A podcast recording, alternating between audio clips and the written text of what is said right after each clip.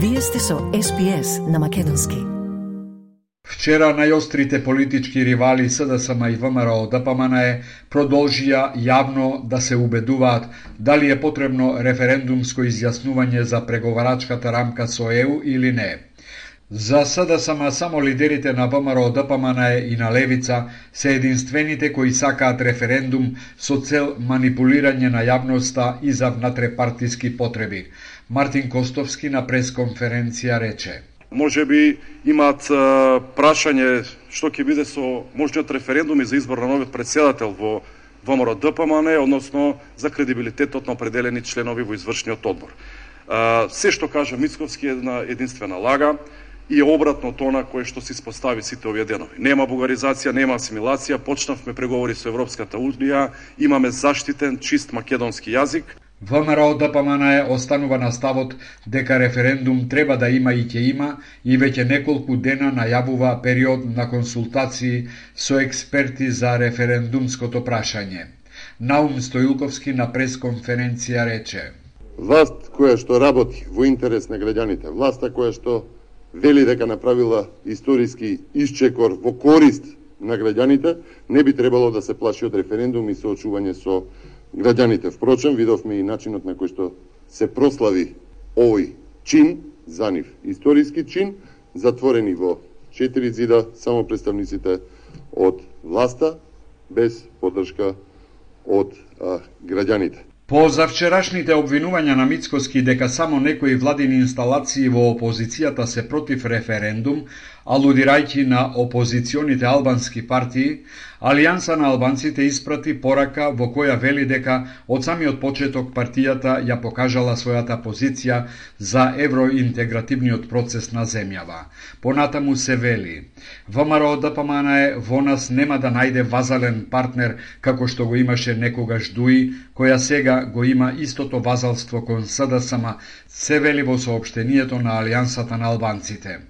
Владата уште пред неколку дена изрази став дека нема потреба од референдум за изјаснување дали да се прифати преговарачката рамка на Унијата, но нема ниту одговор ако се одржи референдум и ако е успешен, дали ќе ги почитува резултатите. Председателот на ВМРО ДПМН е Христијан Мицкоски вчера беше во посета на Будимпешта. Таму тој се сретна со премиерот на Унгарија и председател на сестринската партија Фидес Виктор Орбан. Мицкоски на средбата го истакнал ставот на ВМРО ДПМН е дека ЕУ интеграцијата и е необходна на Македонија, но дека таа треба да биде достоинствена и со зачуван идентитет. Предходно еврокомесарот за проширување на Унијата Оливер Вархеј упати порака до опозицијата во земјава да се држи до европските вредности, да покаже со дела, а не само со зборови да тврди дека е за евроинтеграција. Средбата на Мицкоски со Орбан вчера најде на коментарот СДСМ. На пресконференцијата Мартин Костовски рече За среќа денеска повторно видовме дека Мицковски е во Будимпешта, веројатно да земе памет или да земе инструкција од неговиот политички ментор Никола Груевски, се со цел како да се однесува во дадениот моментум, односно за неговото барање за референдум. Министерот за надворешни работи Бујар Османи денеска ќе му биде домаќин на министерот за надворешни работи на Португалија Жоао Гомес Кравињо, кој доаѓа во официјална посета на Македонија. Како што соопшти МНР на средбата е предвидено да се разменат мислења за евроинтегративниот процес на нашава земја, за билатералните односи и за перспективите за нивното натамошно унапредување со посебен одсврт на економските релации и можностите за нивно зајакнување.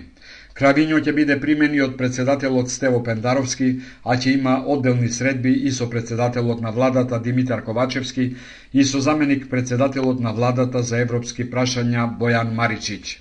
Силно невреме меѓу завчерашниот и вчерашниот ден во раните вечерни часови го погоди источниот дел на земјава. Најобилни врнежи од дошти град, проследени со удари од громови имаше во Кочани. Сообраќајот беше парализиран. Атмосферската канализација немаше доволен капацитет да ја собере надојдената вода, поради што беа поплавени голем број дуќани и куќи на приземјето и во подрумските простории. Медиумите пренесуваат изјави од граѓаните кои тешко ја поминале ноќта. Никош до, до сега немало такво нешто а, како река. Шигата она дури на втори спрат се беше качила од спратот, гледаше не можеше да се излезе ноќта до 12 ден пожарната дека ја очистија. Дојдова пожарната и исцрпава водата да може да излезе надвор. Па после палија чистими за сабаја до 4 саат. Од силниот ветер искинати се повеќе водови за електрична енергија, кабелска и комуникациона мрежа. Градот Кочани, неколку приградски населби и села останаа без струја до доцна во ноќта. Од вчера утро јавните предпријатија почнаа со санирање на штетите. Градоначалникот на Кочани Лјупчо Папазов за медиумите изјави. Комуналните редари на општина Кочани се излезени на терен да ги регистрираат приоритетите во, дело, во правец на делување на санирање на ваквите штети на терен е и се уште територијалната противпожарна единица за исполпување на количините на вода кои се се уште останати. Во текот на денот се работеше и на отстранување на наносите и отпадот од канализационата мрежа, а се нормализира и водоснабдувањето.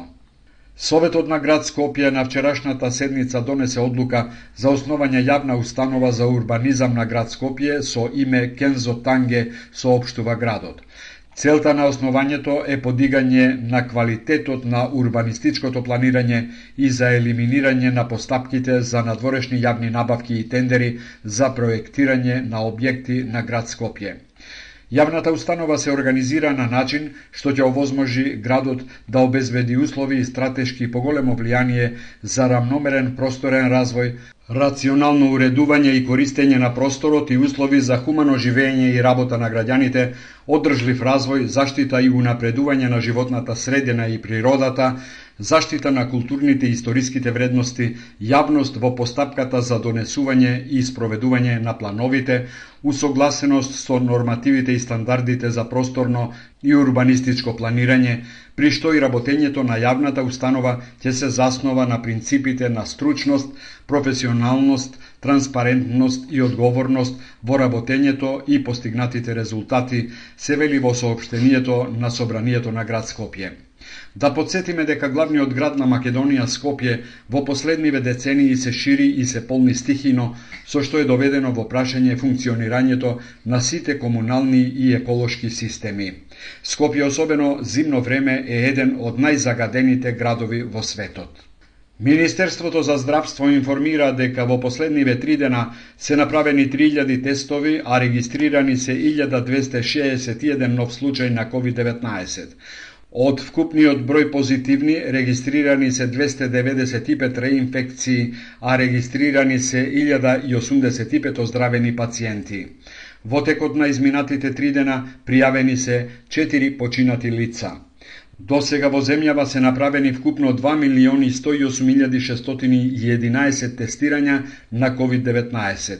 Вкупната бројка на диагностицирани од почетокот на епидемијата изнесува 323.425, а бројот на оздравени пациенти е 309.761, на починати е 9.359, а бројот на активни случаи изнесува 4.305. Сакате ли да чуете повеќе прилози како овој? Слушате подкаст преку Apple Podcasts, Google Podcasts, Spotify или од каде и да ги добивате вашите подкасти.